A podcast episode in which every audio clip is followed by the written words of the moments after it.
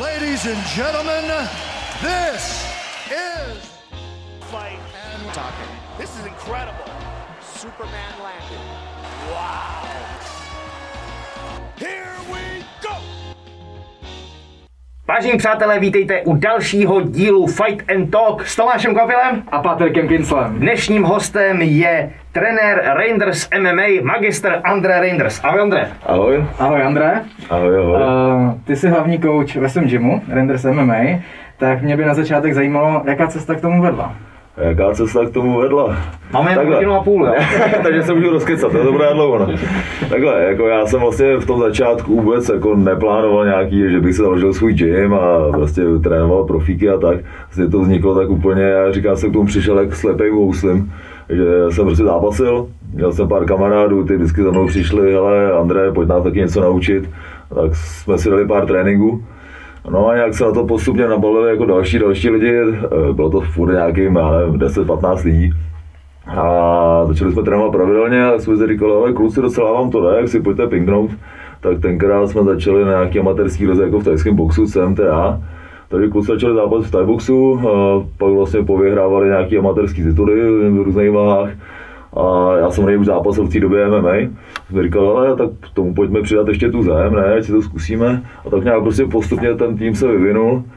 A, ale jako doba, kdy, kdy jsem to začal brát jako opravdu vážně, jsem říkal jako jo, hele, chci to dělat, chci to dělat naplno, to je jako pár let, to je, já nevím, ne, ta moje paměť taky už není úplně nejlepší, pár do hlavy jsem dostal, takže já nevím, 5, 6, 7 let prostě, kdy už jsem jako de facto jako skončil s tím zápasením definitivně, jsem říkal, jo, ale jako dělá naplno, jako celkem to funguje, kluky to baví, mě to baví hlavně a já jsem prostě nikdy nebyl takový ten typ, který by něco eh, dělal jenom proto, že to, já nevím, že mi to může přinést nějaké, nějaký peníze nebo prostě cokoliv jiného, ale prostě chtěl jsem vždycky dělat to, co mě baví. A tohle mě bavilo, tak jsem si říkal, jo, tak pojďme to dělat naplno. No. OK. Zápasit si začal v MMA v roce 2005, co jsme koukali podle Sherdogu. Co k tomu vedlo? Ty jsi začínal vlastně postojem, tajboxem, tam si... Já jsem začal fotbalem. Fotbalem? Eh, Já si to dělám legraci, hrál jsem fotbal, já nevím, v 8 letech, jo, už tam asi, už asi někde od, ne, kecám vlastně, do 8 let jsem hrál fotbal a pak už jsem dělal karate, tradiční karate, v té době jako nic moc nebylo, jsem dělal až někdy do 15 a pak jsem vlastně někdy, někdy na střední škole jsem začal dělat tajský box. Tam vlastně byla éra TK1, že jo? Toho tajboxu, který tenkrát byl hodně vidět, šel nahoru. Co jsi sledoval v té době teda, nebo co tě přivedlo přímo k tomu tajboxu? Ale tak já, já tak nějak, jako, že jsem sportoval od malička, takže já jsem pořád chtěl dělat nějaký sport a jako jsem, jsem cílevědomý člověk, jsem prostě chtěl dělat jako něco, v čem něčeho můžu dosahovat. Ten fotbal prostě pro mě nebyl, mě úplně nebavilo a a to karate prostě v jednu chvíli jsem zjistil, jako, že to úplně prostě s nějakým reálným bojem nemá nic moc jako společného, jsme v té tradiční formě. A tak jsem začal trénovat tajský box, a který už přece jenom byl jako dost reálnější, jako myslím, že to v podstatě hrozně jako ten, nej, ten nejtvrdší bojový sport. A já jsem vlastně v té době jsem přešel vlastně do Brna jako na vysokou školu, kde jsem teda trénoval pak eh, hlavní, hlavní část jakoby kariéry v tajském boxu jako Muay Thai Brno eh, pod Karlem Kaiserem. A tam jsem jako začínal vlastně zápasit, pak jsem eh, vyhrál jsem nějaký, nějaký mistrovství, mistrovství světa amatérský, když ono na rovinu v těchto těch eh, postových disciplínách tam jako vyhraje skoro každý, kdo tam jede. a těch titulů je tam jako mraky, asociací a podobně, takže bych se tím až zase jako nechlubil.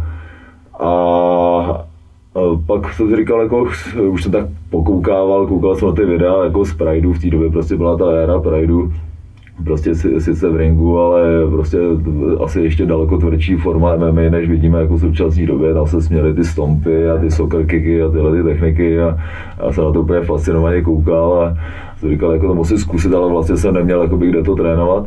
A když jsem vlastně jakoby skončil jako výšku v Brně, vrátil jsem se do Prahy, tak jsem, eh, tak jsem, tak jsem za- začal jakoby, trénovat MMA a tak nějak eh, víceméně velmi záhy, asi po třech měsících jsem si jako dal první zápas.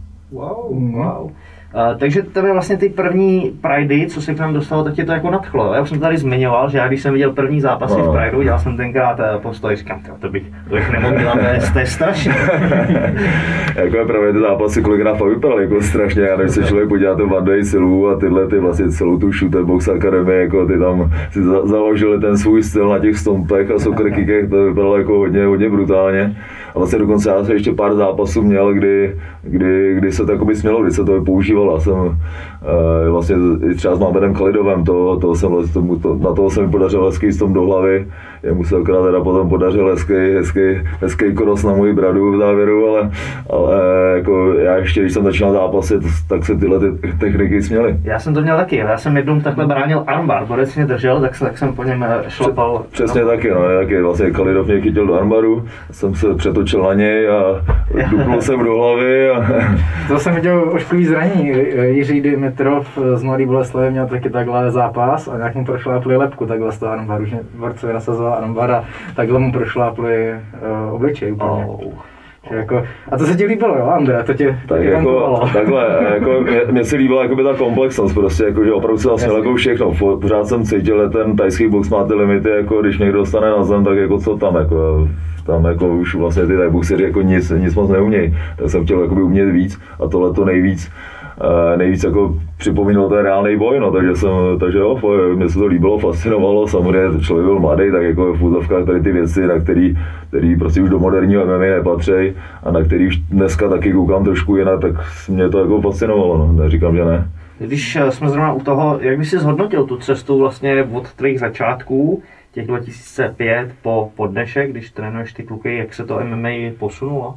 Eh, strašně, eh, jako ta, jako vlastně ještě v těch našich dobách, já vždycky, když jsem to někde, někde nějak rozřazoval, já jsem říkal, my jsme byli taká ta druhá generace, taká ta první generace, to byl prostě ten Dan Barták, Michal Hamršmít, Petr Kníže, to byly taky to valetu, do prostě bez rukavic, kolikrát se tam brali eh, půl hodiny, nebo dokonce hodinu, myslím, že byl, byl jako rekord v té době 54 minut.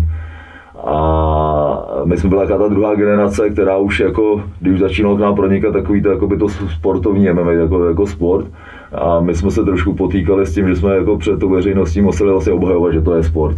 Jo, já jsem vlastně tenkrát mě poměrně často jako si mě, mě vybírali novináři nějaký rozhovory, měl jsem vysokou školu, dělal jsem takovýhle sport, tak je to jakoby fascinovalo nějakým způsobem.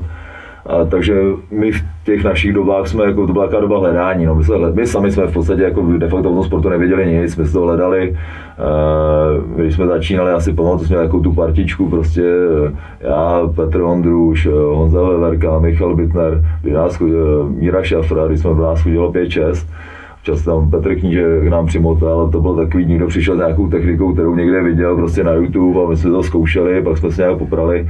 Měli jsme jako všichni jako relativně dobrý základ jako v postoji. Tím si ten postoj my prostě máme jako na světové úrovni. Ale samozřejmě, co se týče to zápasení té země, to, tam jsme byli jakoby vždycky pozadu. A myslím, že ještě stále jako furt v tom máme jako hodně co dohánět.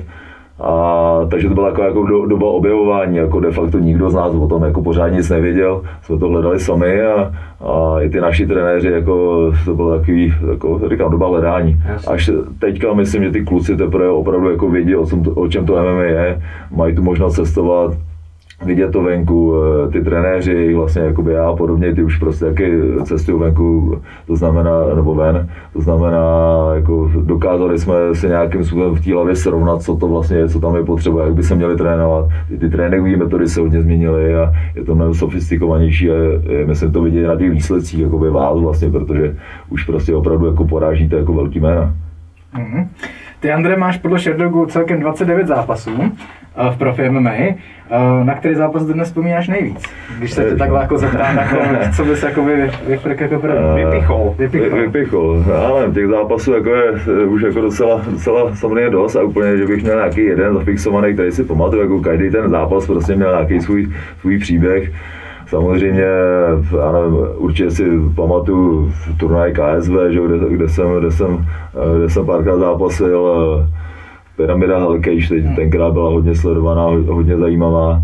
A samozřejmě jsem tam potkal eh, spoustu jakoby jmén, který, který potom zápasili v UFC, takže, takže, takže myslím, že jsem měli to srovnání nějakou tou jakoby špičkou, byť samozřejmě ten můj cíl jako byl dostat se jakoby do UFC, ale eh, objektivně zpětně musím říct, že třeba asi na to nebyly v té době úplně jakoby podmínky, nebo jsem na to neměl ty dispozice, takže, takže to se mi jakoby ne, ne, nepodařilo, ale říkám, jo, prostě ta naše doba byla taková doba hledání a, a se snažím jakoby z těch chyb, které jsem třeba dělal já, protože samozřejmě zpětně si uvědomuji, že spoustu věcí jsme dělali špatně, tak prostě se vyvedá to, aby to dělali ty, ty mý svěřenci. To si mi, to si mi nahrál. Co si teda z téhle doby nebo z těch svých eh, zápasů jakoby nejvíc odnes, nějaká hlavní myšlenka? Uh, já jsem byl vždycky jakoby tréninkový typ, mě bavilo prostě trénování, ale vlastně u nás jakoby neexistoval nějaký MMA gym, to bylo opravdu bylo, že já jsem, uh, já jsem začínal nějak u Dana Bartáka uh, chvíli, pak jsem, pak jsem převážnou část kariéry zápasil za Hanuman gym pod Petrem Macháčkem, což byl jakoby thaiboxový gym a nebo thaiboxerský a samozřejmě my jsme tak jako cítili, že to zápasy a země, to opravdu bylo takový jako hledání, že někdo něco přines, prostě co dělal juda, někdo prostě něco někde viděl na YouTube. A pak vlastně velký, velký jakoby přínos pro nás byl, když jsem vlastně přijel eh, Fernando Araujo, eh, který, což, který vlastně založil jako Jungle BJJ, on vlastně první jakoby nakontaktoval na mě tady nějakým způsobem za mě získal kontakt, takže já vlastně e, jsem nějak jako přitáhl mezi kluky. E, samozřejmě každý se ho chtěl trošku otestovat, e, takže vždycky přišel někam na sparingy, e, předtím si dal dvě piva a pak tam jako všechny, všechny utáh. on byl taky, taky samý bohem, nebo je pořád. Ale on je někdo, kdo k nám opravdu jako přitáhl vlastně to, jako to opravdu brazilský jiu U něj jsem teda trénoval dlouhý roky, jako v kimonu. A to by hodně dalo hodně cvičit té země, ale co se týče jakoby zápasení, to tady jako nikdy jakoby moc nebylo, nebo aspoň v té formě, kterou my potřebujeme pro, pro MMA, protože tam samozřejmě eh, potřebujeme taky ty volnostelářské techniky, které u nás nikdo příliš moc nedělá z zápasníků. Eh, já jsem jakoby trénoval jakoby na Olympu, že, jako s klukama z repre, ale jako to, byly, to byl řecko-římský zápas. Bylo to maličko něco jiného, než my jsme potřebovali. A já když jsem třeba i ve své době jakoby hledal někoho, kdo tady vlastně dělá volný styl, tak jsem jakoby nikomu de facto nemohl dostat. A až jsem potom našel nějakou takovou, jako bylo vlastně ve škole, tělocvičná, kam chodili, chodilo asi 20 kluků, ale to vlastně bylo až kromě asi jednoho Čecha, to bylo všichni jakoby kluci z různých podsovětských republik. A ten trénink vypadal spíš tak, jako že se tam hrálo půl hodiny se tam hrálo, hrálo takový jakoby basket, takový zápasnický, jako jsme tam u toho házeli, pak, pak se hodinu zápasilo, pak se sklízeli žněnky a to byl, jako, to byl, to byl ten trénink. Úplně jakoby to nebylo o nějakých technikách, takže, takže v tomhle to jako vždycky byly, byly, byly mezery. Ale jsem asi trošku také celou tu otázku původní, jo. Já si jako osobně myslím, že ten volný styl tady dodnes není, jakoby to, toho zápasu, že OK, tam jsme jakoby bych řekl, jako, že dohnali slušně, jak říkáš, není to jakoby na top světový úrovni, ale ten wrestling si myslím, že tady pořád dnes není. Je to tak a jako myslím, že v tomhle to bude mít asi trošku vždycky, vždycky budeme maličko pozadu třeba za těma američanama, který prostě to nebude tam zápasy, všichni na střední škole, tam bude americký fotbal nebo zápasy, tak v tom asi vždycky bude mít rezervu. A, a to asi nikdy úplně nedoženeme, ale zase jako v tom je jakoby krása toho sportu, že tam, pokud si najdeš nějaký svůj způsob, jak ty zápasy vyhrávat, tak jako nepotřebuješ třeba znutně tady to. Musíš o tom vědět, musíš to znát, musíš to umět, ale nemusíš být top světový wrestler, aby si vyhrával. Teď. To podívejme, kdo je teďka jako kdo jsou jakoby šampioni UFC, jo. Izrael Adesanya taky není prostě, není, není zápasník, jo. je to původně postojář, jo. takže jde o to si umět prosadit to svoje a umět to prostě v tom zápase použít. Být samozřejmě vyťadí šampionů jsou bývalí zápasníci, to, jako, to tak jakoby je, ale jde to i bez toho. Tam, tam je důležitý to, že vlastně ten, ten zápas, co je buď eh, v tom východním bloku nebo ve státech, ti dá tu, tu dravost do těch tréninků, naučí tě to dobře dělat váhu, mimo jiné naučí, dá ti to nějaký fyzický fond, ten zápas je náročný, jak silově, tak kondičně. A, a přesně jak říkáš, já myslím, že jakoby ten zápas je fyzicky jakoby nejnáročnější ze všech těch sportů a ty kluci, když to je odmala, za první mají, jsou obratní, dělají prostě, co dělají gymnastiku při rozsvíce, to, to prostě koukám vždycky jako s otevřenýma očima a prostě fyzicky jsou na tom skvělé takže má jakoby skvělý základ a něco, co oni vlastně dělají od mala, to v fůzovkách už nemáš nikdy šanci, šanci, šanci jakoby dohnat. Jo. Ostatně nedávno já jsem měl třeba u nás v gymu jako přednášku uh, Jirky Dostále, který vlastně založil Centrum sportovní medicíny, který se zabývá jakoby sportovní medicínou a on to i sám říkal, jako něco, co natrénujete prostě jako, jako, jako malej, v už nikdy nemáte šanci dohnat, takže pokud někdo jako mládí jakoby nesportoval, tak uh, z něj velmi těžko bude jako vrcholový sportovec. Jo? Prostě v, v té době se jako tvoří všechny ty procesy v tom těle a ty svaly se jakoby adaptují na tu, na tu, na tu zátěž a tohle to opravdu jako už se potom hrozně těžko dohání. Hmm. Um, ty jsi měl poslední uh, zápas v roce 2016 na bitvě roku, um, pak už se nezápasil. Když už jsi šel do toho zápasu, už jsi věděl, že to je tvůj poslední zápas, nebo jsi se rozhodl až po zápasu? Uh, takhle, ono už tenkrát byl vlastně takový návratový zápas asi po třech letech. Jo. Já jsem vlastně poslední zápas, já jsem měl, nebo takový poslední, který beru, jako by jsem měl s Torem Troengem, který potom vlastně po zápase šel do UFC, potom jsem měl, potom jsem měl ještě zápas s Polákem, který už byl v té době dohodlej.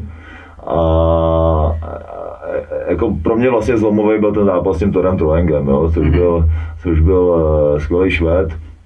Uh, mimochodem je jakoby strašný chytrý kluk, on je mistrem, myslím, vystudoval jako medicínu.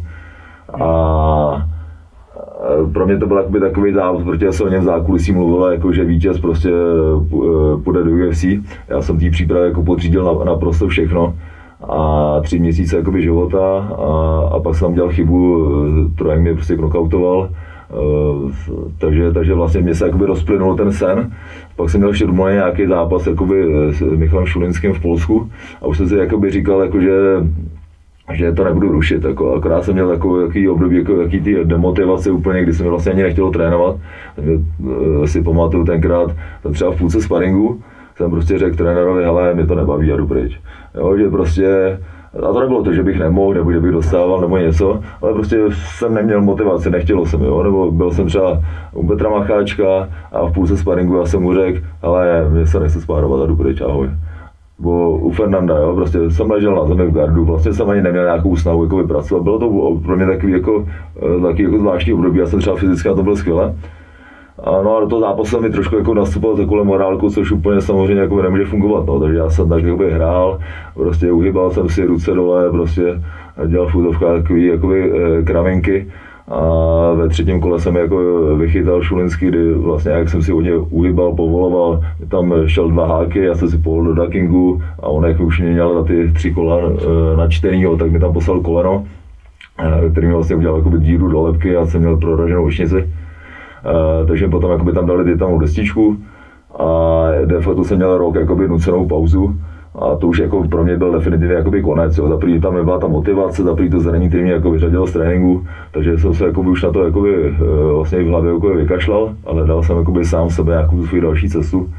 No a pak samozřejmě, jak jsem trénoval s těma svýma klukama, s tím svým týmem, tak uh, jsem pořád tak nějak se udržoval, jako bral jsem se s nima, přišla nějaká nabídka na zápas, jako na, na, na bitvě roku, jsem říkal, tak jako proč to ještě neskusit, jako docela jako jsem měl takový ohlasy na to, že ty lidi by to chtěli vidět. A jsem říkal, tak jo, tak to pojďme zkusit, ale přece jenom po těch třech letech já měl nějaký jen dva a půl měsíce na přípravu a já jsem jakoby cítil, že prostě nejsem jakoby v té formě, jo, že uh, jsem tak říkal, jako těch 14 dní před zápasem, já jsem si říkal, ale teďka, kdybych začal přípravu, tak to bude dobrý. Už jsem se jakoby dostal do takového toho tempa, mm. a teďka, kdybych začal připravovat, tak jakoby to bude dobrý. A, ale prostě ten čas už nebyl a se jsem říkal, jako já to rušit nebudu, že spousta známých jako na to chtěla jít a takhle. A jsem říkal, mě vlastně stejně už o nic nejde. Já už jakoby se nikam dostávat nechci, já si ten zápas budu užít. A jsem prostě nastupoval prostě na, na, na Vltavu od Bedřicha Smetany a usmíval jsem se při tom nástupu a šel jsem ten zápas opravdu jakoby užít. A jako, myslím poprvé do té doby jsem s tím Alezedy Kirikem jako vydržel do třetího kola, on všechny vždycky předtím jako vydržel poměrně rychle, byl to jako mladý, neporažený talent. A je to zápas bavil. Nebyl jsem v té formě, ale říkám, užil jsem si ho, no, potom zase šel do UFC. Já jsem byl vždycky taky ten gatekeeper Ale tohle se mě zajímá, když, na, když bys mě srovnal to, uh, tvojí zápasovou éru, když opravdu si někam jakoby směřoval, byla tam ta hlavní motivace a pak přišlo tohle když se to jdeš užít. V čem se ti jako zápasilo líp?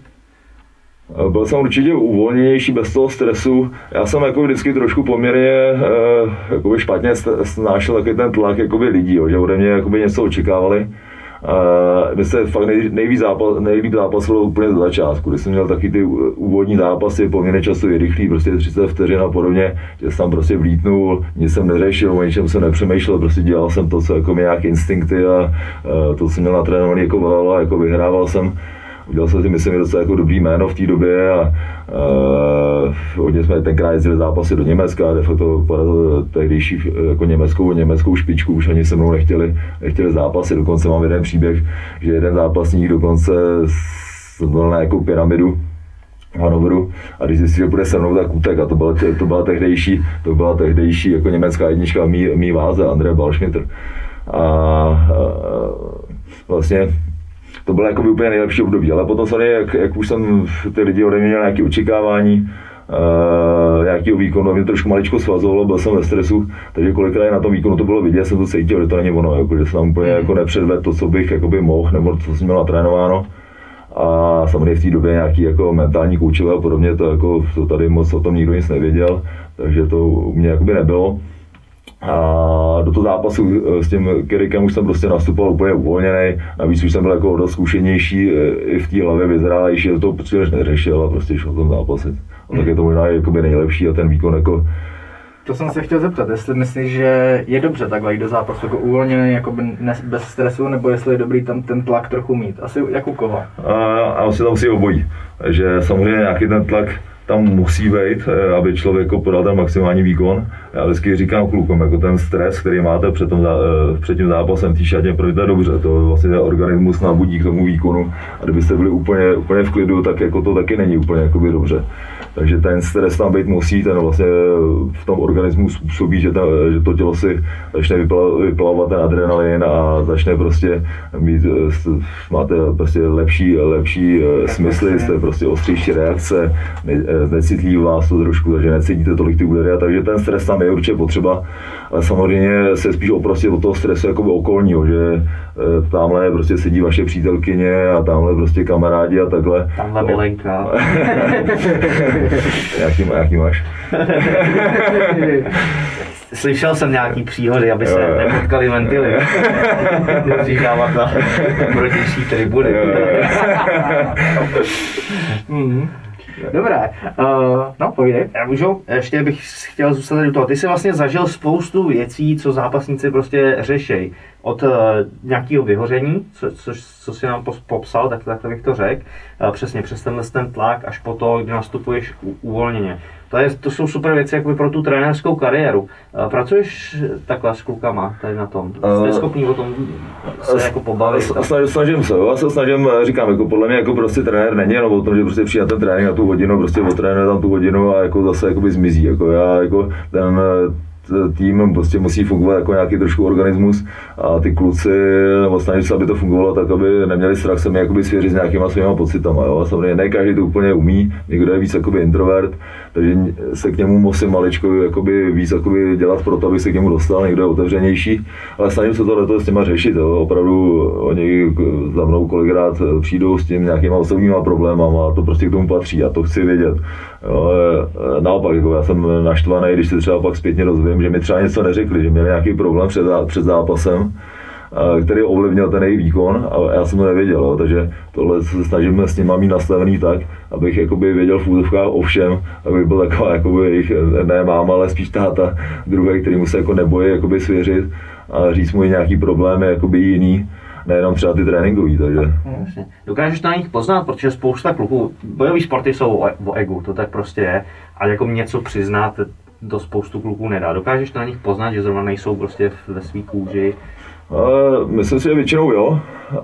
Pak je samozřejmě ta těžší část, jakoby to s nima začít řešit, nebo uh, jsou prostě lidi, na který třeba dokážu poznat, že nejsou v pohodě, ale, ale dostat z nich to, jako proč to jako bije, jako je občas těžký, takže, takže a musíme potom ty vztahy mít nastavený tak, aby jsme oba dva věděli, eh, nebo hlavně takoby ten můj svěřenec jako viděl to prostě, že to je dobře, když mi to řekne, jo? když se otevře a řekne mi, že má nějaký problém, jo? že to, že to bude, jakoby, kolikrát pomůže, to říkají psychologové, říkají, jako často vám může pomoct jenom to, že nějaký svůj problém někomu řeknete, jo? že to prostě otevře, otevřeně řeknete do světa, tak vám se může ulevit, jako spadne vám ten kámen ze srdce. Ani ten člověk nemusí kolikrát nic říct, jenom to, že vás vyslechne. To je podle mě hrozně důležitý a samozřejmě to musí pochopit, ale hlavně i oni. Jo. Není to jenom to, není to prostě jednostranná práce moje, musí to chápat i oni. Mm.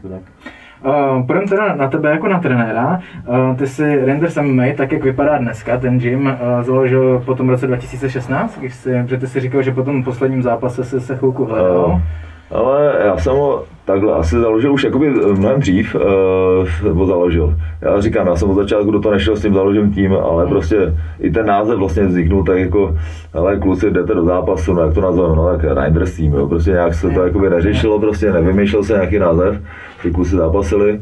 Uh, až potom jakoby časem de facto po konci týmní kariéry, to znamená až někdy po tom zápasu, to bylo trošku dřív ještě před Krikem, jako mm-hmm. po tom mhm. zápase s Šulinským, kdy už de facto já jsem měl v sobě uzavřenou tu kariéru, tak jsem začal tomu týmu věnovat víc. A postupně samozřejmě uh, jsem tomu začal, začínal dávat víc a víc jakoby svýho času, až v současné době jako je to pro mě jakoby full time job, jako to znamená od rána do večera prostě řeším jakoby tým a dávám tomu všechno a snažím se prostě přemýšlet, jak, bych, jak bych mohli udělat ještě nějaký větší progres, řeším ty zápasy těch kluků, jednotlivých jejich soupeře a podobně, taky ty věci, které s tím souvisejí. Takže, takže, takže, takže to vznikalo jakoby takhle postupně. Já třeba jsem dokonce jednu dobu já jsem si říkal, tyhle, já nechci být jako egomaniak, že ten tým bude pojmenovaný po mně, pojďme to nějak změnit, jo, že prostě jsem říkal, hodil jako do pléna před pár lety, ale ten, ten název vzniknul tak jako, že prostě přirozeně, ale jdete do zápasu, tak jako zápas trénujete u mě, tak Reindersím. A oni vlastně nakonec jako vlastně 99% kluků říkalo, ale my, jako, my jsme s ním v pohodě, my chceme jako zápasy takhle jako po tebu, pod tvým jménem, takže to taky vlastně jako by zůstalo. No. Mm, okay. A to 1% si vyhodil. Hele, kdo z těch známějších kluků, který diváci, posluchači můžou znát, pod tebou trénuje? Tak já jsem to nedávno počítal, kolik těch kluků vlastně mám. Já mám vlastně 20 profíků, což je jakoby strašně moc, to je strašné množství. A už jsem si tak trošku v hlavě nastavil, že vlastně jako ten tým nechci rozšiřovat jako do štířky, ale spíš jako trošku zkvalitňovat, aby ten tým fungoval líp, jako ještě než funguje teďka. Spíš jako do, do kvality eh, fungování toho týmu. A takže těch jmen je tam spousta, jo, to jako v nevím, kde začít, nechci prostě někoho, někoho to se neboj, tak jo, takže samozřejmě určitě, jakoby, co, co, co, co, se tý, co se týče jakoby těch nejznámějších, Michal Martínek samozřejmě, uh, Miloš Petrášek, uh, Pavel Salen Salčák, Filip Macek, Matěj Kuzník, ty noví talenti samozřejmě, Kuba Tichota, Peťa Gabal, ten Terka Bleda, vlastně ta Petra Čásková, těch eh, kluků a holek tam mám strašnou, strašnou spoustu, takže jako říkám, dohromady nějakých 20 eh, profíků, ten tým jako je to tady podle mě jako souréně nej, nej, největší. Hele, máš to v tom týmu jako ve škole, že každá třída že jo, má svýho šaška, svýho šprta, někoho, kdo bere v ostatním protein třeba. Ale tak já samozřejmě tam má každý asi nějakou svoji roli jako, a vznikají tam taky ty srandičky jako mezi náma, to asi jako normální, takže to eh, nevím, jestli bych to pojmenovával úplně, úplně, úplně takhle, ale takhle o tom nikdy nepřemýšlím, ale samozřejmě každý si klukuje nějaký, říkám, každý si klukuje a holek je prostě něčem trošku jakoby blázen, to, že to dělá, dává tomu sportu jakoby tolik a každý prostě to má jak posunutý někam jinam a pak ty vztahy tam samozřejmě nějak, nějak přirozeně vznikají a někdo je takový, někdo makový a, a... a to nás zajímá, pojďme dát trošku ne, bulváru. Troš, trošku bulváru, jo. No, balíčko potřebujeme, protože my jsme tady od tebe pár kluků měli, no. jsme tady Michala, měli jsme tady Melouna, tak řekni nám něco o ní. To oni neřeknou. něco se na sebe nepráskne. Ale to jsou, to jsou věci, které člověk prostě může pochytit na tom našem týmu. To asi není úplně jak veřejný jako prezentování. By to ty lidi ani nepochopili, protože jsou nějaký taky interní vtipky a, a to asi není jako moc. Ať už si ze Salina děláme srandu, že je prostě vegán, by to samozřejmě všichni respektují a prostě samozřejmě každý z těch kluků má něco svýho. Takže Takže tak. Však hele, my co dostáváme sadu od těch veganů, když jsem dal nějaký No. no. příspěvek, tak to prostě někdo musí jako odsrat. to vám schvaluju. Jo. Jak ti sedí role trenéra a manažera, Andrej, když bys to třeba porovnal s tím zápasníkem? Ale to není úplně jakoby něco jiného. Ale mě to baví, jo. já prostě říkám, jako, že jsem v úzovkách šťastný člověk v tom, že dělám něco, co mě baví a jako naplňuje mě to a snažím se prostě dělat jako maximum pro to, aby, aby to fungovalo co nejlíp. A věřím tomu, že prostě máme ne nejlepší, tak jeden nejlepší tým, jakoby u nás určitě. A, a Jo, jako jsou se kolikrát to jakoby hodně práce, uh, protože říkám od rána do večera opravdu řeším něco, co souvisí s týmem, ať už jsou to tréninky, příprava těch tréninků, prostě uh, řešení zápasů, nějaký ty věci kolem, prostě sp- sponzoři, protože samozřejmě ten chod týmu jsou potřeba nějaký, nějaký peníze, aby to fungovalo, jak to funguje. Uh, řešíme spoustu věcí jakoby kolem, lékařskou péči pro ty kluky, a aby měli prostě, aby, když se jim něco stane, aby prostě o ně bylo postaráno. Eh, Každý ráno si prostě otevřu eh, aplikaci eh, MySasy, nevím, jestli znáte. Eh, Mám vlastně eh, je to aplikace, kterou, která vám měří, měří ráno tep, jako v leže, ve stoje v leže a dokáže vám vlastně měřit eh, váš nervový systém, v jakém je stavu. Jo, vlastně váš sympatikus, parasympatikus, to znamená ten, ten aktivní jako nervový systém, který a ten, to, co odpovídá jako za vaši regeneraci. A když já mám takovou hezkou, tabulku v telefonu, na tu se podívá a vím, jako, jak kdo z nich je schopný ten den otrénovat tvrdě. Jo? Takže, takže z tohle to si srovná hlavě, co s kým jakoby můžu, jak jakoby dělat, komu mám radši dát třeba jako nějaký volnější režim, nebo říct, že to trénink ani jakoby nechodí. Jo, takže je to jako, tak jako od rána do večera, do večera, do večera jako taková kontinuální práce. No. Slyším poprvé o téhle aplikaci. Jo, Ale to je jako, běžci to hodně používají. Víš si? A tria, triatlon, triatlon běžci. Jo, je to určitě jakoby dobrý, protože samozřejmě uh, jeden problém v těch našich dobách byl ten, že jsme byli permanentně přetrénovaní, nebo aspoň jakoby já, jo, protože jedna věc bylo to, že jsem byl teda tréninkový typ, že mi to bavilo, druhá věc byla to, že já jsem chodil prostě do různých jakoby gymů, tělocvičen prostě na tréninky a každý z těch trenérů mi chtěl dát jakoby co nejvíc. To znamená, každý mi prostě dal bomby a každý prostě, uh, z každého tréninku jsem totálně vyřízený, když takhle člověk měl 10 tvrdých tréninků týdně, tak ono to jako úplně ten organismus, organismus není schopný zvládnout. Takže proto i třeba vlastně, když já jsem tvořil ten náš tým, tak jsem se snažil eh, už opravdu jako nějak eh, to profesionalizovat.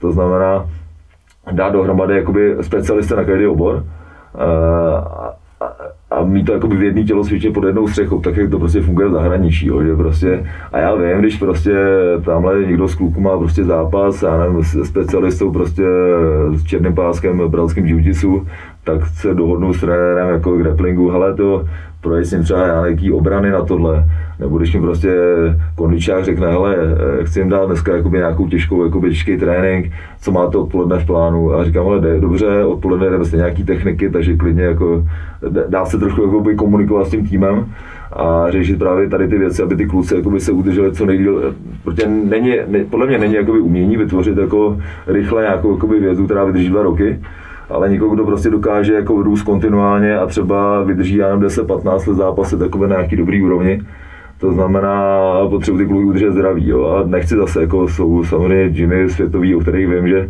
sice mají skvělé výsledky, ale mají taky spoustu jakoby, zraněných v přípravě, to znamená spoustu zápasů jakoby, se ruší.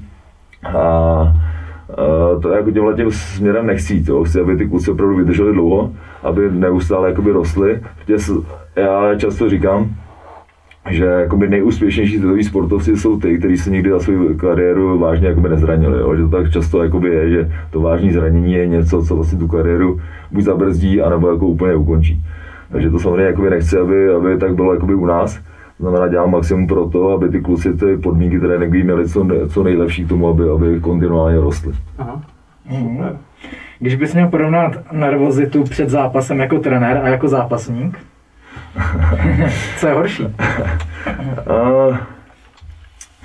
Těž, těžko říct, každá je úplně jiná. Jako já vždycky se snažím, eh, jak jsem měl sám já při zápase, já říkám, nejle, nejlepší jako mentální příprava ten zápas je, když člověk ví, že do té přípravy dal maximum a že jako nic tam jako ne, ne, ne, neošulil, prostě na nic se nevykašlal, tak pak s lidem svědomím může jít člověk jakoby do toho zápasu. A stejně to mám eh, s tou přípravou kluku, jako když vím, že všechno bylo v pořádku, že jsme té přípravy udělali maximum, a pak v vozovkách už je to jenom o tom, jakoby nastavit na ten zápas, aby předvedli ten adekvátní výkon. Jo. A, nesmí to, člověk musí trošku s nimi jako nějak komunikovat samozřejmě, Eh, aby oni si byli vědomí toho, že prostě jde o ten výkon primárně a ne o ten cíl. A když jsem se třeba to řešil s mentálním koučem a třeba s tím Marianem Melínkem, který poměrně známý, tak uh, sám říkal, jako, že nejúspěšnější sportovci jsou ty, kteří nejsou zaměření na cíl. Jo? Že je špatně, když prostě ten, ten, ten sportovec nebo ten bojovník má za cíl, jo, chci se dostat do UFC a udělám pro to.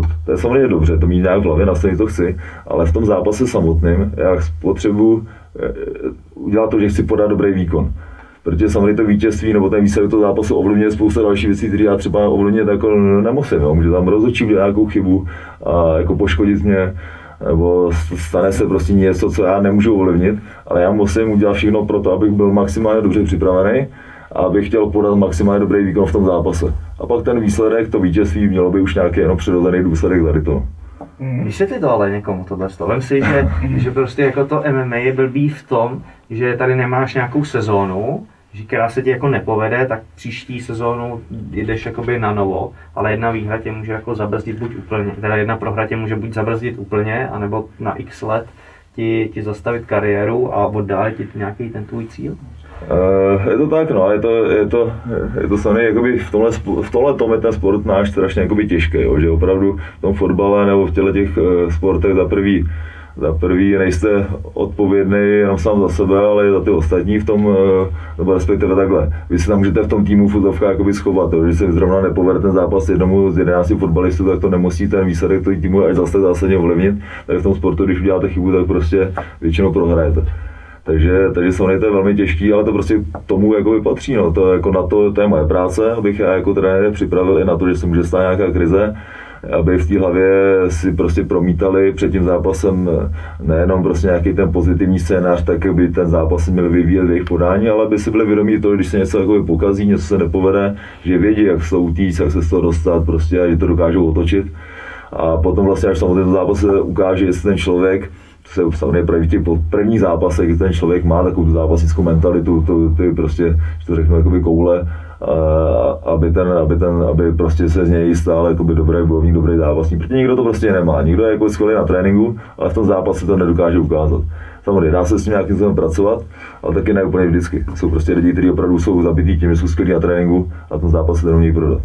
Eh, to mi připomíná hodně o Salčákovi, se mluví jako o tréninkovém typu, ale mně to tak nepřijde, jakože mě vyloženě za poslední zápasem na mě udělal jako dojem, že dobrý v těch zápasech ale přitom vím, že třeba Malone o něm říkal, že, že je hodně tréninkový typ, že to pak v tom zápase nedá, nedokáže tak prodat. Můžeš to tak potvrdit? Uh, jo, měl, měl taky svoje období, kdy opravdu on je, on je, to je mimochodem který se mnou úplně od úplného začátku, který se mnou prošel, prošel tu, uh, od toho začátku toho týmu přes ty amatérské ligy v tajském boxu, kde si udělal titul, pak amatérský titul v MMA, uh, pak šel do profi a strašně šikovný kluk, který o tom přemýšlí a opravdu na tom tréninku jako eh, Melon sám o něm říkal, prostě to je pro ně jako skoro nejhorší sparring partner a přitom samozřejmě je váhově jakoby eh, níž než on. A spousta dalších kluků eh, teďka pomal Machovi Muradovi v přípravě se prostě bere jako, jako, jako sparring, sparring partnery a sparring partnera v tom zápase měl jedno takový období, kdy dělal jakoby chyby, jo, kdy v úzovkách to maličko třeba něco podcenil, nebo se nechal zaskočit tím tlakem, tím drivem toho soupeře a jako prohrál třeba velmi rychle ale teďka už chytil takovou vlnu, sám se naučil pracovat eh, s tou hlavou, vlastně taky jsme pracovali eh, s ním s Marianem Melínkem, takže mu pomohl maličko nasměrovat, eh, tak, aby prostě dokázal to, co měl natrénováno, aby to dokázal prodat v tom zápase a v těch posledních zápasech myslím, že je to, myslím, že je to vidět. Jo. Prostě teďka má tři vítězství v řadě, takže mhm. čekáme na čtvrtý. Čeká zápas s Raškou, že? Čeká zápas s Raškou, který měl mít vlastně 14. března který teda kvůli, kvůli koroně eh, byl odložen, eh, zatím další termín je 5. září tuším, takže uvidíme, snad to klapne. Hmm. Já ještě zůstanu u toho tréninku a trénování. Eh, ty jsi určitě zažil tu dobu, co já, když jsi přišel na trénink a dostal si prostě hned první trénink jako strašnou sadu. A, a že jo, tam, tam se to oddělilo. Kdo bude pokračovat, tak tomu se ty trenéři budou věnovat a kdo to prostě neustojí, tak jde, tak jde do háje. Já jsem to zažil dost toho, párkrát jsem eh, na to i navazoval, ale nemyslím si, že to je OK, že spoustu jakoby těch talentů tímhle s tím jakoby zabiješ, který jako nepotřebuji z začátku dostat jako do těla přes hubu, ale potřebuji jít jakoby postupně. A jak se na to Je, je to tak, já to měl na začátku taky, když jsem začínal ještě s Thaiboxem, tak to taky kolikrát to bylo, člověk přišel, já jsem eh, už od první tréninku jsem vlastně jsem neuměl dát pořádně direkt a už jsem spároval, to je permanentně rozbitý nos, eh, eh, krev z nosu a bylo to opravdu o tom, že prostě kdyby se v té době na to vysral, tak už asi prostě ne, nejsem tam, kde jsem a dělám, a nevím, nevím co, co dělám. A, a, ale prostě vydržel jsem a jako pokračoval jsem dál. A samozřejmě ta doba se strašně posunula v té době. Ostatně ten bojový sport většinou dělali lidi, kteří eh, který už měli nějaký zkušenost, dělali judo předtím, dělali tajský box a nikdo nešel do MMA přímo jakoby z ulice, v úzovkách, hrál jsem do teďka fotbal, budu dělat MMA, tak v té době jako sám víš, jakoby nebylo. A dneska už je ta situace úplně jiná. A ten sport se strašně otevřel. Je strašná spousta lidí, kteří prostě v životě nedělali bojový sport, to chtějí zkusit, prostě to koukají na to v televizi, chtějí to zkusit. Takže samozřejmě tomu se musíme přizpůsobit trošku i my. Já takhle, já jsem nikdy jakoby nebyl takový, jakoby takový ten zlej, tvrdý trenér, že bych prostě tam někoho se snažil jakoby šikanovat. Na to jsou specialisti tady jiní. A, a takže se snažím být trošku víc jakoby, otevřený v tomhle tom, aby ten můj tým jako orientovaný, myslím hodně zápasnický, znamená opravdu tam mám jako silný jakoby, zápasnický tým, tak ho chci mít otevřený pro tu veřejnost, pro ty lidi. Takže máme nějakou skupinu C, což jsou jako úplní začátečníci, to znamená, jsou lidi, kteří jako v životě nedělali jako třeba bojový sport, tam je opravdu chodí úplně ty kluci noví a, vyzkoušet si to bez toho, že tam prostě někdo jakoby něco udělá, nemusí mít strach, že tam prostě někdo hned zbije a, a, a jako takhle to podle mě jako funguje jako ideálně. A, a ještě vlastně mě k tomu jenom napadá, jako třeba jsem začal jakoby trénovat děti, Vlastně mám tam nějaký, nějaký prvsky od 8 do 12 let. A to je jakoby taky něco úžasného, oni to prostě nasávají ty informace, úplně jsou hladový. A já mám ještě vlastně ty tréninky jako seřazený, takže já mám vlastně jakoby děti, pak mám Ačko, Bčko, Cčko. A tam jako je, mě vždycky fascinuje, jak vidím, jak ty děti prostě skončí trénink, jak jenom začnou chodit takový ty hvězdy, ten Melon a Michal Martínek a David Kozma, který u nás se vlastně trénuje jako pra, poměrně pravidelně, spousta dalších, jako vidíš ty kluky, jak oni úplně jako na ně fascinovaně koukají a skromně tam žádají o fotku a jak to je vlastně ty děti jako motivuje k tomu, aby, aby, aby pokračovali a trénovali, takže tohle, to, tohle se mi strašně líbí třeba. Já se s, s, tohle, s tím obdobím pamatuju, já jsem z Pardubic, pardon. Odkašli si. Já jsem z Pardubic, takže tam to trochu jako došlo později všechno, takže jsem zašel, takže jsem tuhle tu dobu zažil taky, byť jsem o 10 o 15 let mladší a pamatuju si, že jsem měl extrémně špatný jakoby stavy před tréninkem, že jsem věděl, že byl jakoby, já jsem spároval třeba, tam byly třeba 80 kg, 90 kg frajeři. To jako ne s. Patrikem, ale jakoby s někým, kdo je třeba velký jako Patrik a ty nás našetřili, to bylo jako kluci z ulice, kteří se asi chtěli něco dokazovat. A pamatuju si přesně ten moment před tréninkem, jak jsem mi tam nechtěl, jak jsem jako by fakt cítil vnitřní hodně velký strach. Jako. A stejně šel jsem tam i přesto, ale jako kdybych to třeba, myslím si, že kdyby to šel někdo jiný, tak tam nech půjde, že to bylo fakt pravidelně a myslím si, že to je jedna z nejhorších věcí, co se jako začátečníkovi může stát, když ze začátku chytne prostě sparring partnera, který No, s tím souhlasím, jako a říkal to Patrik jako správně, prostě tady spousta talentů takhle může být, jako vlastně se zaběhne na začátku, protože to odradí, jo, což jako naprosto chápu, jo, prostě když to není takový debil, jako jsme my, který prostě přes to léto jakoby vydrží, tak prostě uh, tak spousta těch kluků se na to vykašle, to jako, a, a chápu co, to. co, jasně, to je jako správně se na to vykašlat. Nebudeš chodit někam, kdy nemáš žádný zkušenosti, někdo No. tě bude být. Jako. Samo musí být něco špatně. No. no, je to jako, jak když jsem měl My jsme si udělali diagnózu, a kdybyste někdo věděl o nějakým dobrým psychiatrovi, tak. Jako nebylo to vůbec příjemný pocit. Jako. Jasně, to, jasně. Fakt jako na to, že ten sport jako dělá pro radost, tak chtěl to dělat. Tak, já jsem začínal někdy v 16 letech a mlátili mě borci jako přes, přes 30 let, Jo. 100 kilo. Jo, jo, Mluvíš o našem zápase? No nic. tréninkově. Uh, pojďme dál. Uh, ty máš uh, magisterský titul v oboru politologie a sociologie. A ten vlastně, už si to sám neříkal, že ti novináři hodně brali. Ten si myslím, že uh, tenkrát v té době dost té české MMA scéně pomohl. Že se o nás mluvilo jako o borcích, co, co jsou vyflákanci, co to dělají jenom proto, že mají rádi krev, chtějí někoho mlátit. A tebe brali jako vysokoškoláka, hodně s, měl si hodně rozhovorů. Myslím si, že spoustu lidí si, spoustě lidem si změnil pohled na ten, ten sport, což, což je super. Pomáhá ti a ta vysoká škola teď i k trenéřině? Určitě ano, jsem rád, že to i takhle jakoby říkáš, to, to, to si vážím. A jako věřím, Já jsem tě to- několikrát taky použil. a e, věřím tomu, že to tak je, že prostě ty lidi pochopili, že prostě opravdu je to jako všude, tak jako ve fotbale, jsou tam chytrý kluci, jsou tam, jsou tam, jsou tam hloupí kluci, stejně tak je to v našem sportu, je tam spousta vysokoškoláků, chodí ke mně prostě trénovat právníci, doktoři, to je jako normální, jako a jsou tam hrají kluci, kteří dělají, já nevím, dělnický profese, anebo prostě jsou úplně, řekněme, nejsou nejinteligentnější. A, A dost dvou Michal Martin. a se to nechal vyřídit na trénink.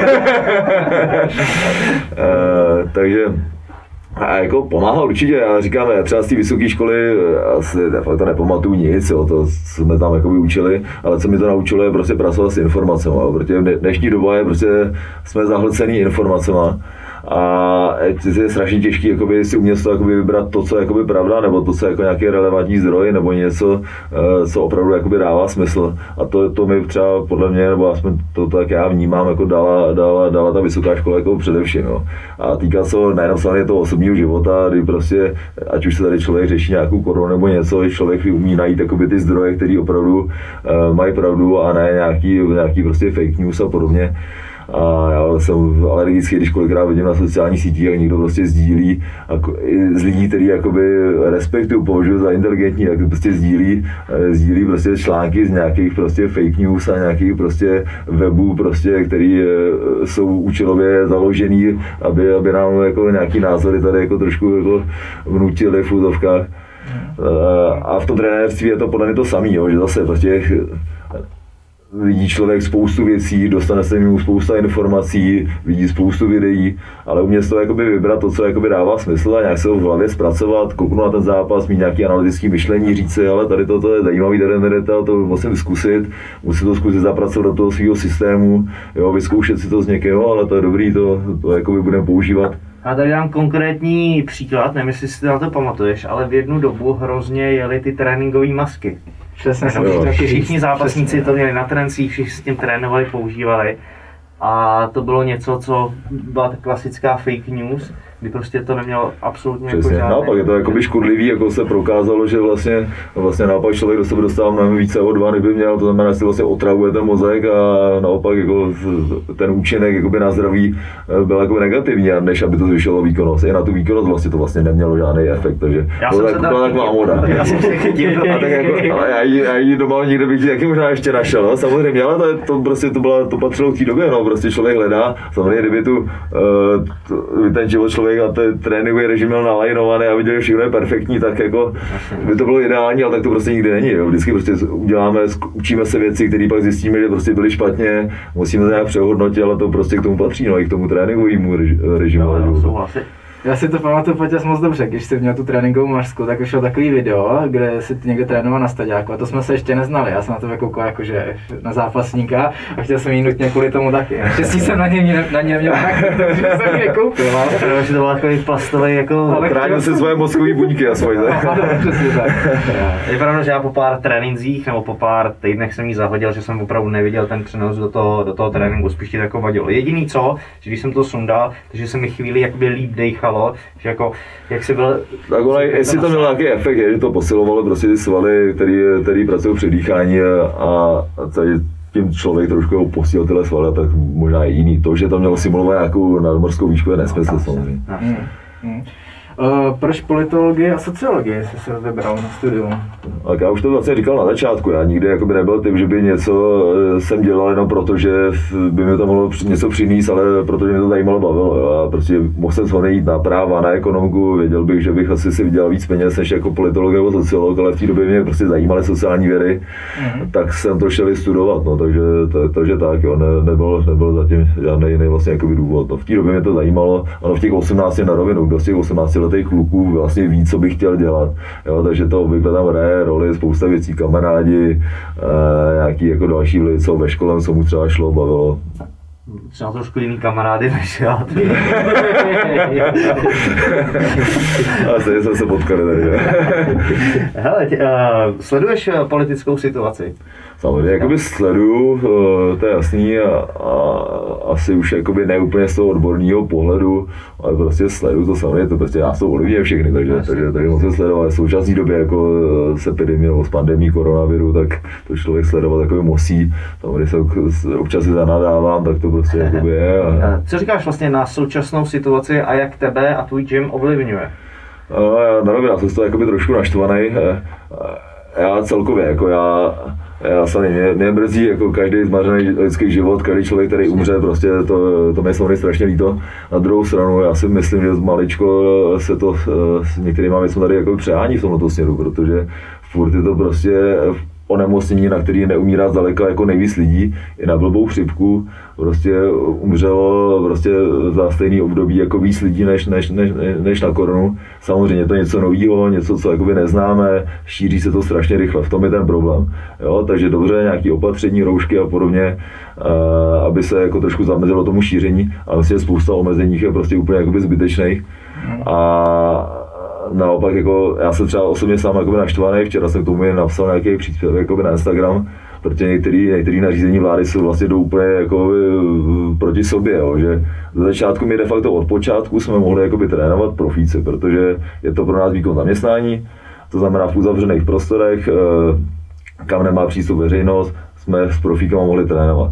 Já samozřejmě, když se vyhlásil nouzový stav, tak jsme si dali nějaký týden pauzu, znamená nějakých 11 dní, jsme byli bez tréninku, udělal jsem to trošku sválně jako nějakou prevenci, aby, aby samozřejmě, kdyby náhodou někdo něco měl, aby se to nějak stihlo projevit.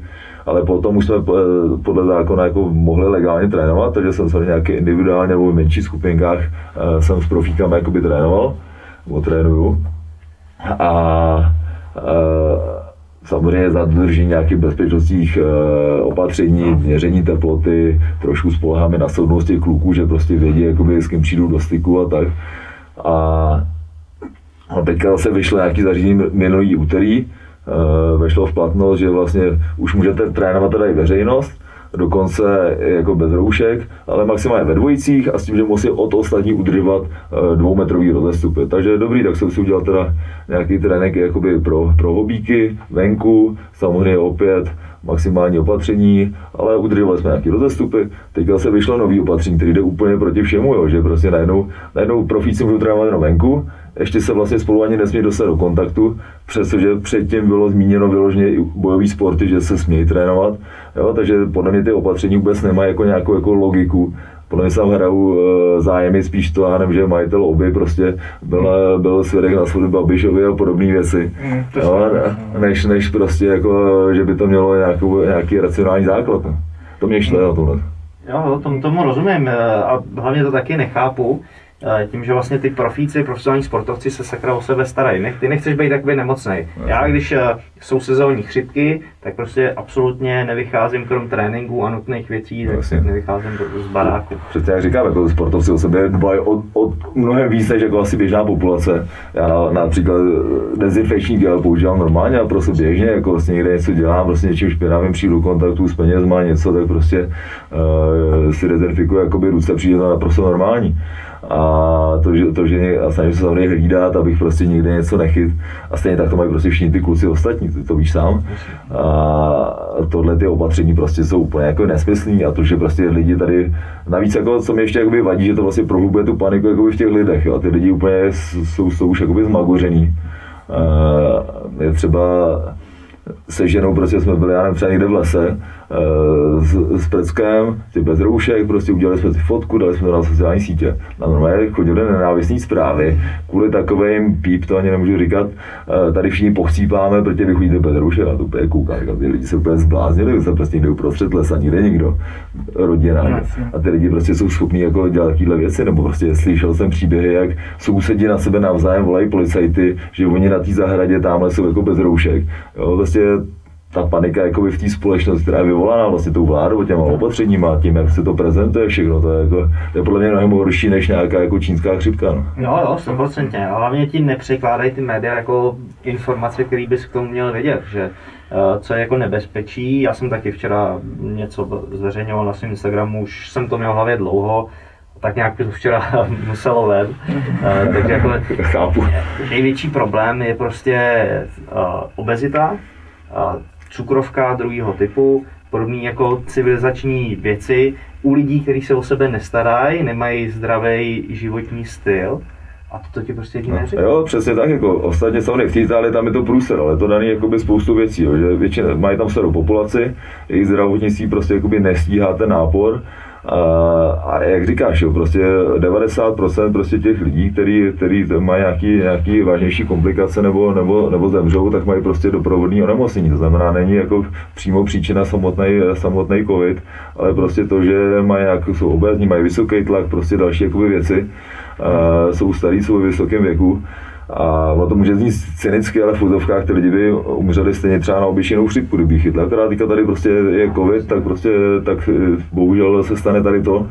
Ale říkám, no, nejhorší je ta panika těch lidí, kterou prostě ještě podle mě ty vládní jako nařízení a ta prezentace a to, že ty lidi nemají prostě ty adekvátní informace, eh, ještě to v nich prohlubuje. Já třeba jako poměrně pravidelně poslouchám eh, DVTV, sp- spoustu prostě rozhovorů s odborníkama, lékařema a ty k tomu mají jako realistický názor, že samozřejmě nějaké opatření ano, potřebujeme to zbrzdit, ale stejně v důsledku tady chytneme všichni, bude to součást jako naší, naší, na, našeho života.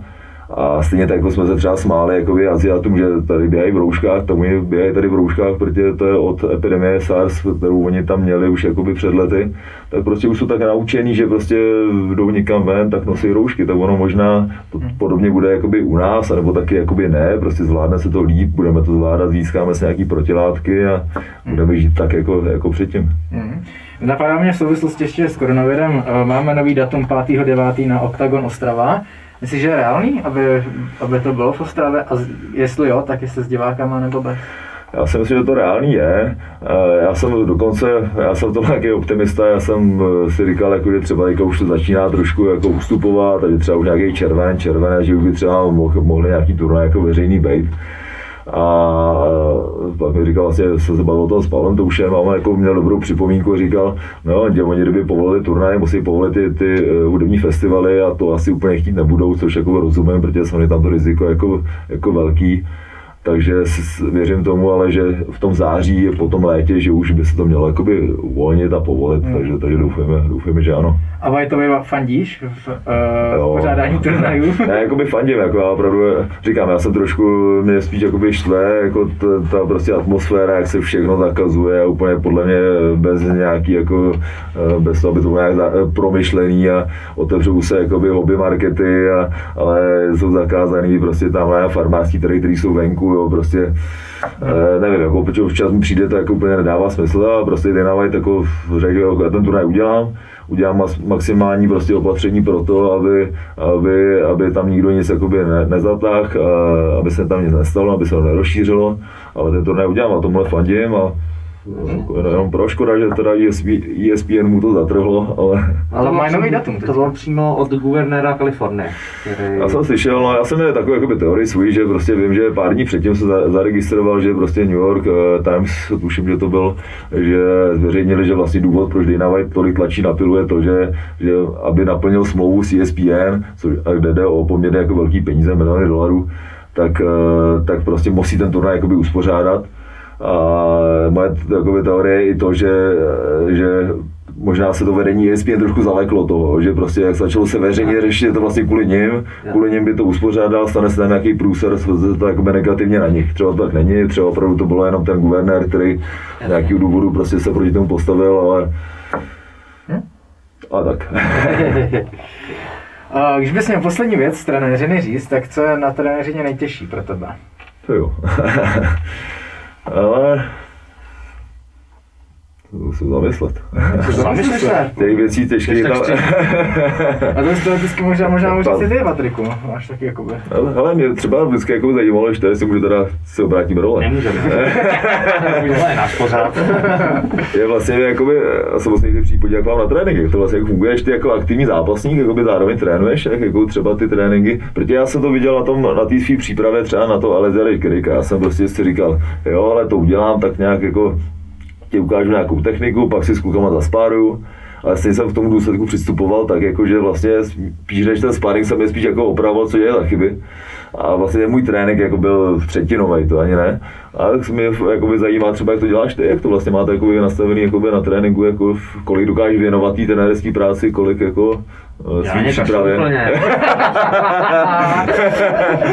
A počkej, to určitě nebude, jako máš úspěšný, nebo máte úspěšný tý- tým, že jo, jste, jako, takže v nějakým No to já, funguje. já, si myslím, že jako největší rozdíl je v tom, že ty se spatě spereš s těma těžšíma, že jo, jako s Kubou Vahníkem a takhle, a na nás lehčí, jako by my to máme rozdělený, že pak na nás koukne, jako, že Jo. s těma, s kterýma se pere, tak s těma s, Počkej, to vůbec jako kritika, mě to jenom No. fakt jako objektivně zajímá, Aha. protože jako výsledky máte, takže jako, jako Ale respekt, není respekt. z mého pohledu to určitě není ideál a samozřejmě se uh, budu snažit posunout uh, do té víc trenerské roviny do budoucna, ale zatím to tak nějak dáváme.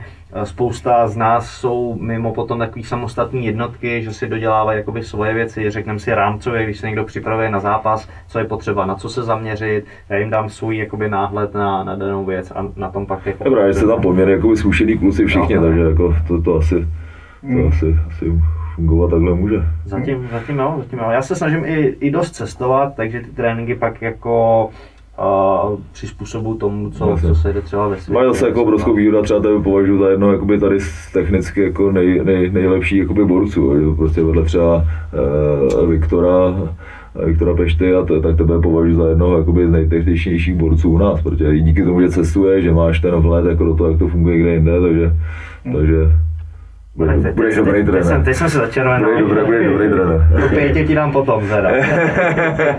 Ale pojďme do závěrečné části. Co Andre Reinders, rodina, koníčky. Říkal jsi, že jsi full-time job eh, trenér, to znamená, Zase, to MMA je o tom, nebo pro mě, když se připravuju, je, že ráno prostě vstaneš a okamžitě tam máš tu, tu přípravu. To znamená, že když se ti připravují kluci, tak tam máš eh, víceméně taky. Dokážeš se od toho odstřihnout, anebo Ale musím říct, že je strašně těžko. Já jsem jako svým způsobem asi trošku jako workoholik.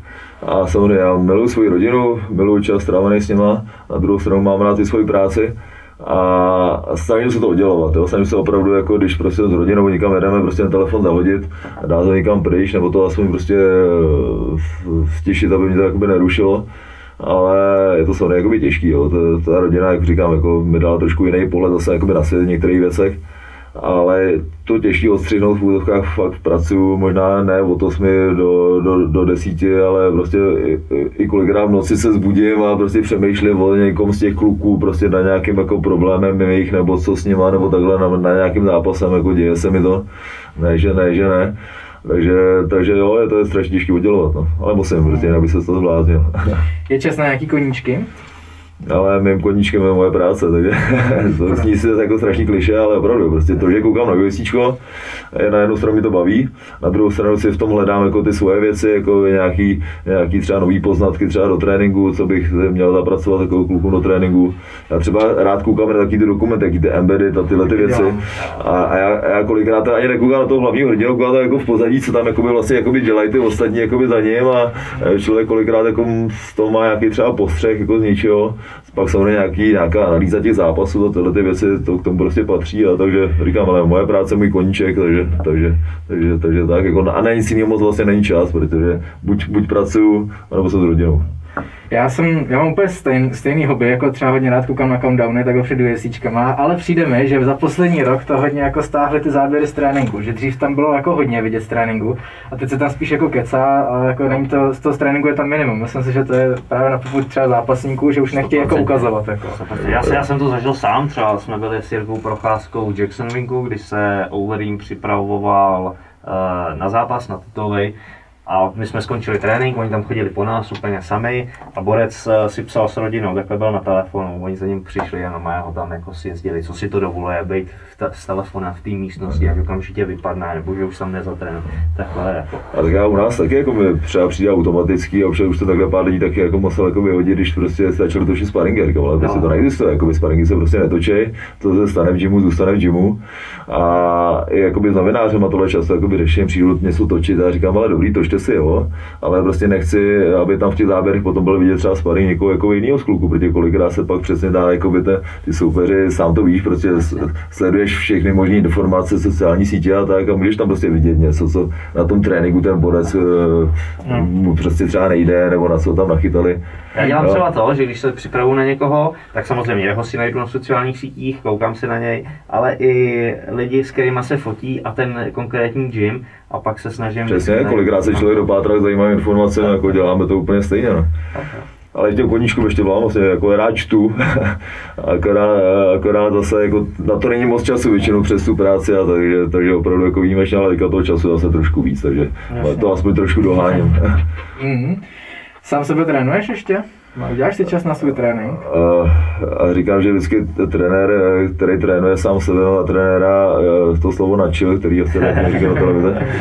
A takže eh, ne takhle jinak, jako samozřejmě snažím se nějak trénovat, udržovat. A Chodím třeba s klukama jakoby na, na kondiční tréninky, který nám dělají kluci 100 atletů, takže tam jakoby se snažím chodit pravidelně.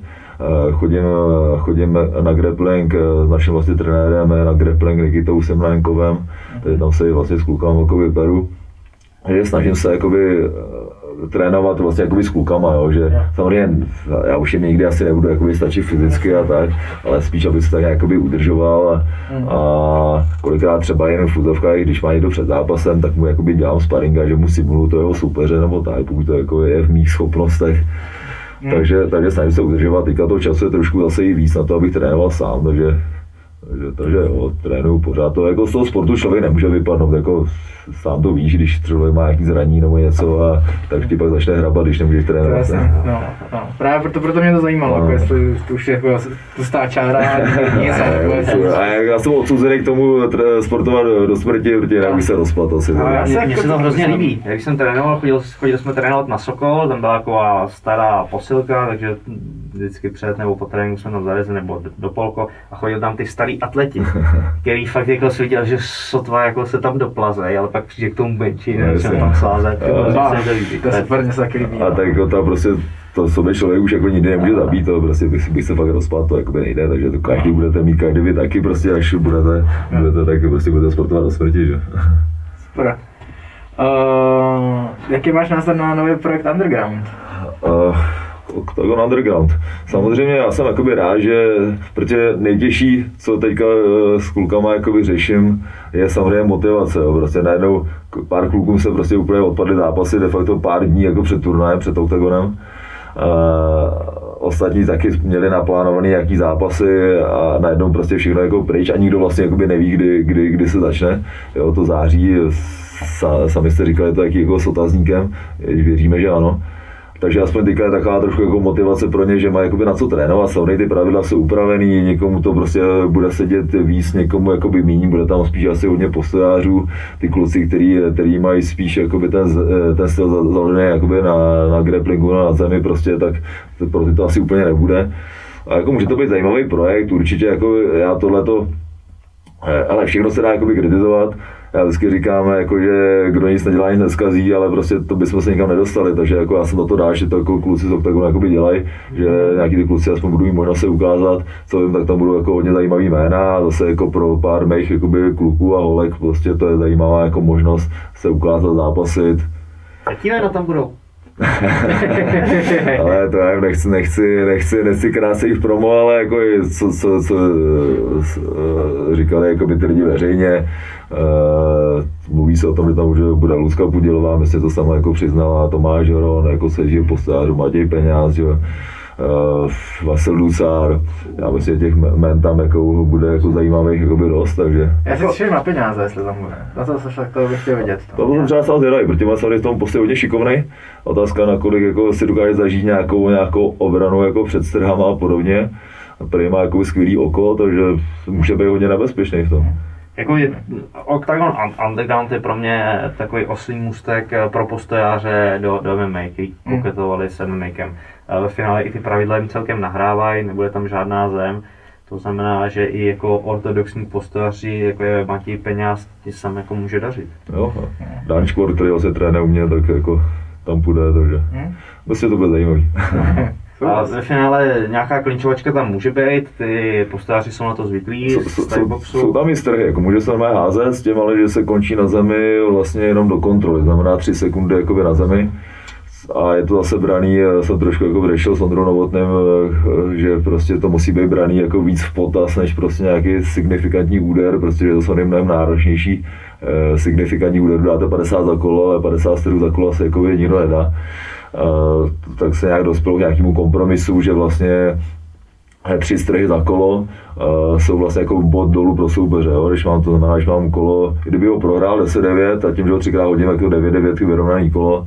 A to je těžký, jako za tři minuty, No, třikrát hodit. Jednou je za to- minutu, no, za minutu jako ale zase si vem třeba, nevím, eh, třeba Tomáš Hron je skvělý postojář, ale myslím, že třeba zrovna jakoby jeho styl na tohle není úplně jakoby ideální, jo? On je takový, on, má, on nemá úplně jakoby knockoutový úder, je- ten jeho styl je založený víc jakoby na frekvenci, na počtu těch úderů, na té fíze, kterou má a ti furt tlačí dopředu a myslím, že on možná s těma stradama třeba bude mít trošku problém, no, takže jo, zase jsou kluci samozřejmě, já nevím, Vasil Ducar, který se umí hejbat skvěle, Matěj Peňáz, který mají skvělý oko, ale jako já jsem sám na to zvědavý, no, Jo, jo, uvidíme. jo, rozhodně. Rozhodně. A co ty a sociální sítě? Sociální sítě, eh, ale já jsem, eh, samozřejmě mám, ale já jsem jako, já jsem introvert, jo, takže já úplně jako nejsem ten typ, který by se úplně jakoby chlubil tím svým životem. Na druhou stranu jako v, i k týmní práci to je trošku jakoby potřeba, uh, udržovat si, nebo prostě propagovat si ty věci, které člověk jakoby potřebuje. Jo, u mě to pře, převážně samozřejmě ten můj jakoby tým, pře, nebo v případě jakoby rodina. Já to beru i taky trošku fotoalbum, jako člověk ví, že v tom telefonu člověk někde ztratí, ale pak prostě na té sociální síti to budeš mít asi jakoby furt. A samozřejmě to nějaká forma komunikace, mi tam samozřejmě spousta lidí mi tam píše, kontaktuje mě, ptá se mě, já se nějak, nějak snažím vš- všechny jakoby, vše, všem nějak jakoby pomoct tomhle tom. Takže já jako pozit- sociální sítě vnímám pozitivně, jako je to dobře, ty lidi to umí spojovat, ale samozřejmě člověk se na to nesmí ulítávat, jo. to znamená netrávit pak půl dne jakoby na Instagramu, ale jo, podívat se za to, já sám třeba na telefonu nemám jako, neukazuje se mi tam, že tam jako mám něco nového na Instagramu. Až když mám čas, nemám co dělat, tak si prostě, tak si na tom záchodě na to podívám, jestli tam jakoby něco, něco není. Občas tam člověk narazí na nějaké zajímavé informace, posty. Takže to, já k tomu mám přístup takovýhle. Je to, je to podle mě jako součást naší společnosti, v něčem pozitivní, v něčem to není negativní, když se na tom někdo ujídává moc, ale Hele, hodně mě to zajímá z pozice třeba tvojí manželky, to musíš vnímat hodně. Já jsem zaznamenal i nějaký kauzy, kdy vlastně eh, ona celkem rychle po porodu nastoupila do práce a tam dostávala jako úplně za mě zbytečný jako sady. Jak vnímáš tohle od těch lidí?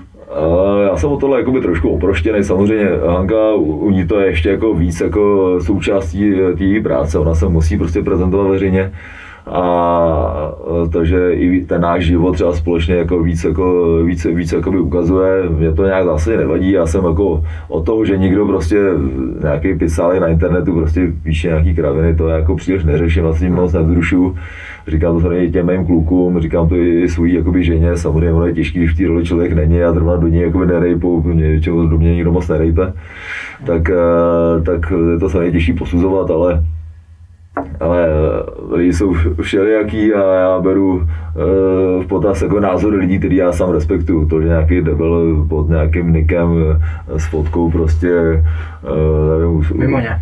Nějaký mimoně, přesně, já to nechtěl, aby nikoho neurazil.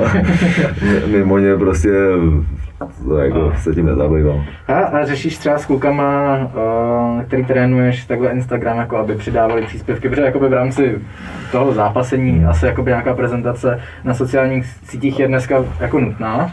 Tak jako, že dohlížíš na ně, jako že hele, Ale asi, asi v tomhle ani nemusím, oni, oni prostě ty kluci sami vědí, že to prostě potřeba je, chápou to, takže oni to dělají jakoby sami. A to, v tomhle tom ani úplně na ně asi dohlížet nemusím. Občas třeba je musím nějak eh, maximálně si bavu třeba umravnit, aby třeba nepoužívali nějaký výrazy, že když už člověk je nějakým způsobem sledovaný trošku, tak by se měl asi trošku i podle toho nějakým způsobem chovat, třeba ne, Třeba kunda. to se může ne? Když se říká prezident, tak se to smí. A, takže trošku jako možná v tohleto maličko směrovat, ale zrovna tohleto to asi není úplně potřeba. Mm. OK, Tak pojďme na závěr. Máme tady dvě rubriky na závěr a to je lifehack a knížka. Ty jsi říkal, že hodně čteš, takže, nebo že rád čteš. Uh, tak tím bych začal. Máš nějakou knížku, kterou bys nám doporučil? To bych vám doporučil, jo. A spíš takhle, jako co třeba teďka aktuálně čtu, co mě třeba zajímá, no to není úplně knížka, je to publikace, kterou vydalo UFC Performance Institute, a je to vlastně taková jakoby analýza eh, všech zápasů eh, od roku 2002 do 2018, znamená za 16 let. A jsou tam jako všemožní statistiky, je to třeba jako strašně zajímavý a to dávalo myslím klukům jako do takové naší interní skupiny, že třeba Oni měří v zápase asi 160 eh, nebo přes 160 různých jakoby, věcí, různých faktorů. A je tam vybraný podle váhové kategorii prostě těch pět nejdůležitějších, kteří vlastně rozhodli o vítězi. Jo. Tak jsou kromě prvního, kdo dal nejvíc signifikantní úderů, což je asi jakoby očividný, se to občas jako zajímavě jakoby liší. A je to jakoby zajímavý z toho pohledu, že člověk může ohledem na tu svou váhovku jakoby vědět, jako, na co by se asi třeba měl zaměřit. To je zajímavý, to slyším poprvé. Jo, třeba jakoby zajímavý rozdíl třeba těžká, polotěžká váha. Těžká, to je jasný, se to točí kolem trefených úderů, signifikantních úderů a podobně ale hned třeba u polotěžký už je druhý nejdůležitější faktor je ground control, jo? znamená, jak jako dokážou v té polotěžké váze kontrolovat to soupeře, jo? A jako takovéhle věci. Jo? Mm. A co ještě čtu? Kde to stáhnem? A kde to stáhnem? Takže to pošlu. a... Já ještě tady u toho, co tě, co tě z toho nejvíce překvapilo? Je tam i třeba srovnání s, s pohledem let, jak se vyvíjí ukončování zápasů? Jo, určitě tam je taky. Uh, zase jako víc, více to všechno, více dřív se víc ukončovalo, samozřejmě tam z pohledu váhové, kde samozřejmě těžká váha zase jako většinou knockoutu, pak takový ty sami se jsou v těch nižších váhách spíš, uh, případně to dá jakoby na body. Je zajímavé, že tam, je, že tam jako vylítá vždycky trošku jako featherweight, že prostě třeba mezi, mezi, mezi, mezi tou lehkou a bantamem je fedra, tak vždycky jako ve všech ohledech, jakoby, ať to je nějaký jakoby, třeba KO nebo submisí, jakoby najednou jakoby vejš, jako zajímavé. Uh, to, je, jako je to zajímavý, jako celkově spousta tam, každý si tam asi jako najde svý, já vám to už tak pošlu kluci. Tak to, ještě, rádi. to ještě čtu, jako by teďka je tady Oxygen Advantage, nevím, jestli jste slyšeli Patrick McKeon, mm-hmm. tady, což je zase jakoby o práci jakoby s dechem a jak vlastně jako uh, v úvodovkách jakoby přirozeně třeba stimulovat uh, tvorbu jakoby červených krvinek a okysličení svalu jakoby v těle a podobně. Mm-hmm. Uh, ne, nemyslím píchání se EPA, ale, ale jako, jako přirozeně různé formy jako zadržování dechu a dýchání a takhle. Zajímavý, proč se vás má dýchat nosem, na, nebo nadechovat nosem, vydechovat pusou a podobně. Jako taky to zajímavá knížka. No, takže. Funguje to? Uh, já myslím, že jo, že jako, určitě to má jakoby, nějakou logiku a některé věci jako, určitě jakoby, zařadím jako i do ne svého tréninku, ale hlavně teda z těch svých kluků. No. Aha. Že budu mít strašnou fízu všichni. no jasně. Eh, na závěr poslední věc, lifehack. Něco, co ti zpříjemně zkvalitňuje život, ať trenérský nebo osobní. Čím by se podělil? A, tím bych se podělil? Takhle, já mám, já mám nějaký jako takový jako asi svoje třeba rituály, který nějak potřebuju k tomu, abych se třeba jako nastartoval do toho dne. Kromě teda kafe, to máme asi společně. Máme tak jsem... No, jak jsem trošku jako tady čekal, tak jsem zklamaný. Jako, jsem nějaký, pozvem ještě příště, jako, až to odložíme, nějak, tak nějakou pecku ti Jo, tak to, to jsem rád, já jsem taky těšil na kafe a ono nic. S těma rožkama je to všechno těžší, no. no. Tak, no. No, já jsem vždycky jako by měl, jako každý sportovec, podle mě jako nějaký rituály, kterým jako ten život zpříjemňují, nebo který se jako naladí, třeba ať už na ten trénink, nebo prostě, nevím, a třeba jako by ráno, to mám jako je spoustu let, třeba první, co ráno udělám, protože se na záchod, takže si prostě vypiju jako sklenici jakoby vody, chtěl jsem jako už taky někde čet, jako, že to, že to prostě organismus jakoby nastartuje a dám si ledovou sprchu, a to dělám prostě x let, jo, se, to má spoustu jako pozitivních jakoby, efektů jako na ten organismus, až už zlepšování jakoby, imunity, tvorby testosteronu, jo, spoustu jakoby, dalších benefitů, takže to jako dělám jako dlouhodobě pravidelně a nemůžu si bez toho třeba představit, že bych bez toho jakoby vstal.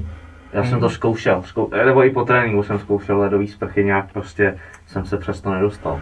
Já jsem třeba i řešil, tady to jako právě zrkou dostávám jako s těma ledovými káděma a podobně. Ono to má samozřejmě svůj efekt, ale má to svůj efekt by někdy po tom tréninku, protože někdy ti to napomůže uškodit, to třeba, když máš třeba silový trénink, tak eh, ty vlastně potřebuješ eh, ty futovky by nižší ten sval, a potřebuješ, a tam se tvoří zánět, jo? ty potřebuješ ten zánět pro to, aby ten sval jakoby sílo. A když si dáš ledovou kát po tom letom, tak ty vlastně ty záněty omezíš a tím pádem jako narušíš ten efekt toho silového tréninku.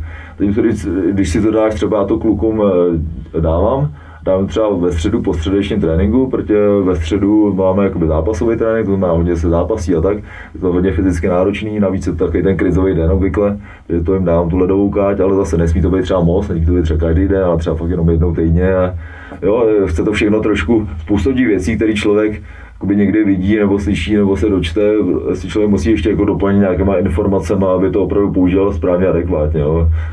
Prostě z YouTube si něco okoukáš, ale jako to znamená, že to jako opravdu jako by funguje a to tak správně. Jasný, jasný.